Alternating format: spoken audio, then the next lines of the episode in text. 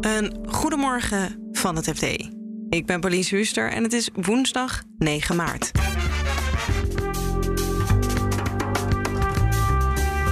De Duitse auto-industrie kampt nog steeds met een chiptekort en wordt ook geraakt door de oorlog in Oekraïne. En dat betekent uh, heel in concreto dat, er, uh, dat de fabrieken zijn stilgelegd, uh, omdat die kabels er niet zijn. Terwijl de roep groeit om meer uit te geven aan Defensie, wil datzelfde Defensie 40% van hun panden verkopen. Qua budget uh, kunnen we maar ongeveer 60, 65 procent uh, betalen. En de plannen van de ECB om de steun af te bouwen en de rente te gaan verhogen worden vertraagd door de oorlog in Oekraïne. Als die oorlog snel is afgelopen en uh, er gebeuren verder niks ernstigs met gas en olie en die prijzen die komen weer, weer omlaag en dan, dan kan het verkrappingsspel gewoon op de wagen. Dit is de dagkoers van het FD. Het kabinet wil meer geld naar defensie. En daar ga ik het verrassend genoeg over hebben met Arend Klaassen, die over bouw en infrastructuur schrijft. Want Arend, om even te kijken hoe jouw portefeuille hier invalt. Je hebt gekeken naar het defensie vastgoed, toch? Ja. 10.000 gebouwen, dat, dat zullen geen 10.000 uh, kazernes zijn, denk ik. Nee, nee, het is van alles. Um, het is uh, opslagplaatsen, loodsen, uh, werkplaatsen, slaapverblijven, lesgebouwen, kantoren. Ja, het ligt verspreid als hagelslag nog over het land. En eigenlijk is het ten opzichte van hoeveel militairen er nu zijn, is het vooral ook te veel voor de organisatie. Er is vorig jaar een onderzoek gedaan naar, naar de hele vastgoedportefeuille en de uitdaging die erin zit. Want heel veel is verouderd en verwaarloosd door jarenlange bezuinigingen. En, uh, maar er is dus een keer doorgelicht vorig jaar van uh, nou ja, wat moet Defensie ermee? Want ze moeten het in ieder geval op een gegeven moment gaan onderhouden. Ja. Energielabel C komt eraan in 2023 voor, voor kantoorpanden bijvoorbeeld. Eigenlijk, eigenlijk is er gewoon uh, qua budget kunnen we maar ongeveer 60, 65 procent uh, betalen. Ja, en hoeveel geven we eraan uit ongeveer? Nou, bijna, bijna 1 miljard. Ik denk iets van 850 miljoen ongeveer uh, ja. in de begroting. Ja. Ja, dus dan is het idee om die uh, 40 procent, als je daarvan afgaat, is het dan gewoon, dan hebben we maar 60, 65 procent? Of gaat er dan wordt er weer wat nieuws aangekocht. Het is een wisselwerking, want uh, zeg maar enerzijds zou er dan uh, vastgoed afgestoten moeten worden. Ja. En aan de andere kant kan er, nou ja, op, als je dat niet meer hoeft te onderhouden, speel je, speel, speel je ook geld vrij om te investeren in uh, nieuwbouw. Ja. Concentratie van gebouwen. Ook als we nu gaan kijken naar dat we juist iets meer zouden willen uitgeven aan defensie, is dat dan nog steeds een zinnig plan of is dat eigenlijk al achterhaald? Nou ja, daar, daarom kwam ik ook op dit onderwerp inderdaad. Ja. Want ik, uh, ik schrijf normaal over bouw en infrastructuur. Maar uh, recent was, uh, was in het nieuws dat misschien die kazerne in Assen dicht gaat. Dus toen dacht ik ook van ja, nou ja als er meer geld naar, naar Defensie gaat en misschien milita meer militairen moeten komen, is dat dan wel handig om het dicht te doen. Maar ehm, dus ik heb ook gebeld met vakbonden. Uh, militaire vakbonden, die zeiden eigenlijk, nou ja, eigenlijk, eigenlijk kan dat nog steeds wel, want het is eigenlijk gewoon te veel en het is echt te verouderd. Dus er moet hier echt iets gebeuren, want ja. uh, die militairen moeten ook gewoon een uh, goede legeringsplaats hebben om te kunnen verblijven, om te kunnen leren. Um, dus dat, dat vonden zij niet zo'n probleem. Ze vinden dat die echt wel moet gebeuren. En, en als er dan minder vastgoed is, dan, dan maakt dat ook niet uit. En ze, en ze zeiden ook van ja, voor je de, voordat je dat allemaal hebt opgeknapt, dat duurt ook nogal 10, 15 jaar. Ja. Dus dan kun je ook nog wel bijsturen tijdens het proces. Als je toch wat meer uh, een grotere krijgsmacht krijgt, dan kun je eventueel misschien nog wat van dat vastgoed ook aanhouden. Het is niet allemaal in één keer verkocht. Is er nog een scenario waarin we echt al het militair vastgoed wat we hebben bij elkaar moeten schrapen, want we hebben het allemaal nodig. Wat zou er dan voor nodig moeten zijn?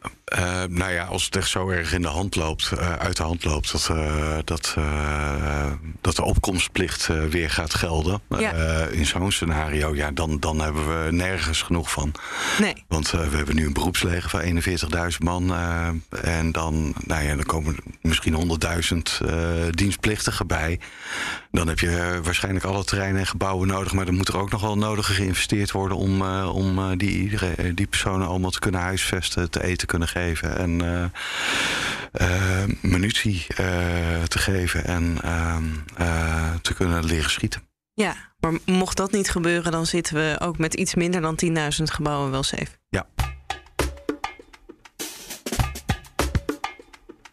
De Duitse auto-industrie heeft nog steeds last van het chiptekort en nu ook nog van de oorlog in Oekraïne. Maar tegelijkertijd vallen de winsten ook niet tegen en is er grote vraag naar luxe auto's.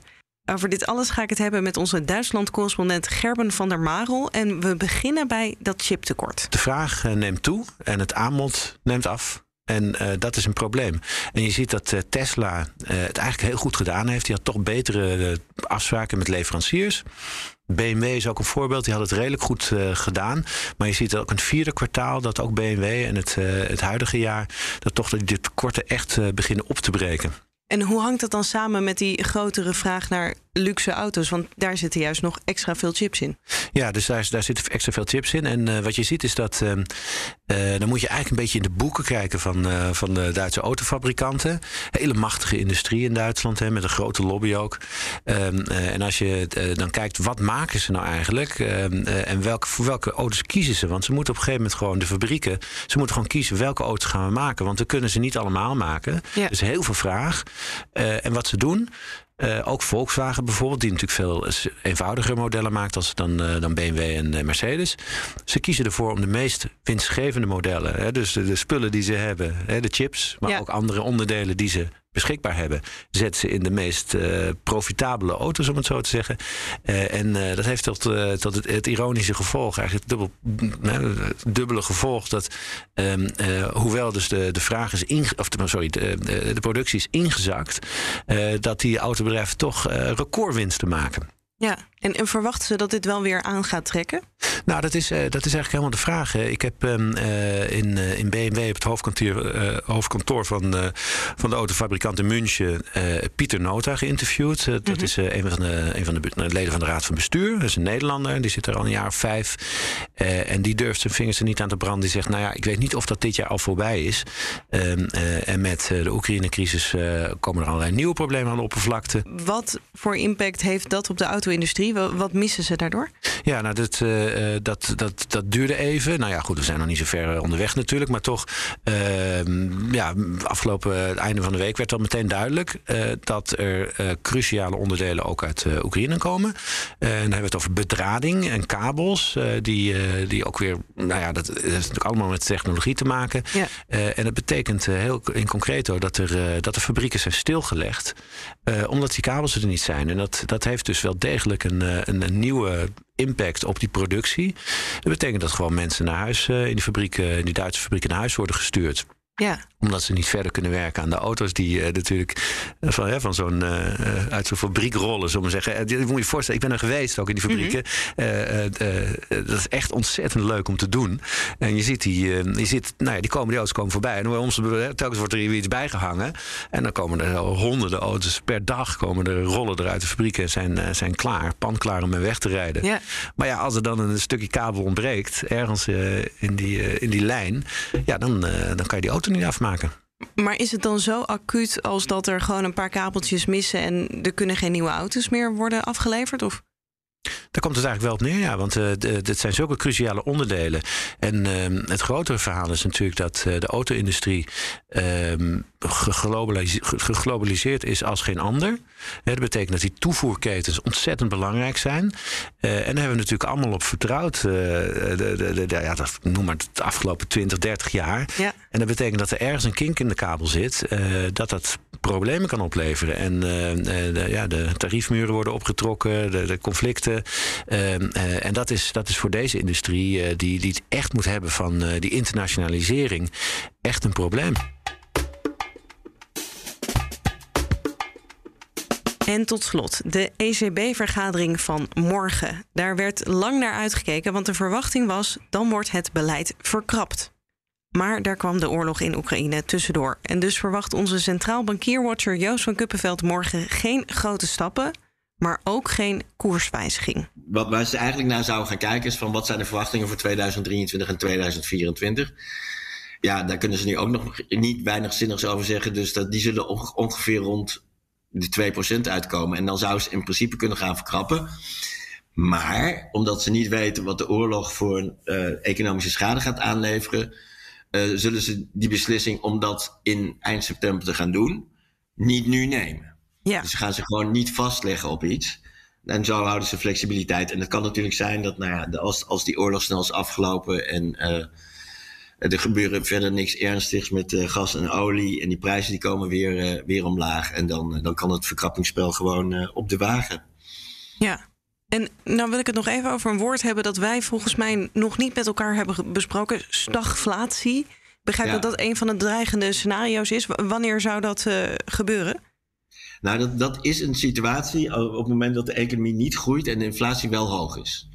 Nou, en dat, dat kan nu zomaar gebeuren dankzij, uh, dankzij die hoge olie- en gasprijzen. Um, en, nog andere verstoringen in aanvoerketens, waardoor prijzen veel hoger worden als je dan toch per se nu moet hebben. Um, en, en, en dat, zou, dat, zou, uh, dat, dat zou een nare situatie zijn, maar daar, daar hoeven we voorlopig nog niet vanuit te gaan. Want alleen in het allerergste scenario verwachten men dat de economie gaat krimpen volgend jaar. Dus, uh, maar, maar op zich zaten we op weg naar goede groei. De, de vraag is wat, wat de oorlog daar van impact op heeft. En dat weten we gewoon nog niet. De inflatie die, nou ja, die is uh, uh, groter geworden. Ook deels door die oorlog in Oekraïne. Is dat dezelfde soort inflatie? Of is dat als de dreiging ook afneemt, gaat dat effect eraf? Dan verwacht ik wel dat de, dat de olieprijs, olieprijs weer wat, wat gaat zakken en de gasprijzen als we dat gewoon weer uit Rusland kunnen importeren zonder dat dat uh, heel gevoelig ligt, dan, uh, dan, dan komen die prijzen op een gegeven moment weer naar beneden. En dat, dat zou best redelijk snel kunnen. Alleen dat weten we dus nu nog niet. De ECB is toch een beetje, nou in ieder geval de beslissing voor zich uh, aan het uitschuiven. Zit daar nog een einddatum aan, hoe lang dat kan? Um, ja, dat is, dat is een goede. Um, nou, als die oorlog zich blijft voorslepen, dan zullen ze uiteindelijk een beslissing nemen. Maar ik vermoed dan, ja, wanneer komen de volgende economische cijfers? Dat zal over drie maanden zijn. En dan moet er toch ergens een klap opgegeven zijn. Maar het betekent niet dat ze nu een andere koers inslaan. Ze, ze, ze gaan gewoon doen wat ze zeiden dat ze gingen doen. Ze doen het alleen niet versneld. Ze lopen ook niet heel erg veel risico's door dat te doen. Nee. Maar het was natuurlijk wel eerst was de verwachting. Misschien gaat het wel sneller dan ze tot nu toe op hebben gehint of hebben aangegeven. Maar... Ja, de analisten kunnen zich niet voorstellen dat de ECB in deze situatie met zoveel onduidelijkheden. Uh, nu een beslissing gaat nemen om gewoon het beleid van voor de invasie gewoon de, in gang te laten. Ja. Of om dat te, te, versnellen, zeg maar. Dat, dat, dat, dat kunnen ze zich niet voorstellen. En ja, dat klinkt ook niet heel onlogisch. Maar dat wil niet zeggen dat ze de andere richting op gaan. Want dat gaan ze niet. Ze doen gewoon wat ze gezegd hebben dat ze gaan doen. Alleen het gaat dus niet sneller. Of althans niet nu meteen.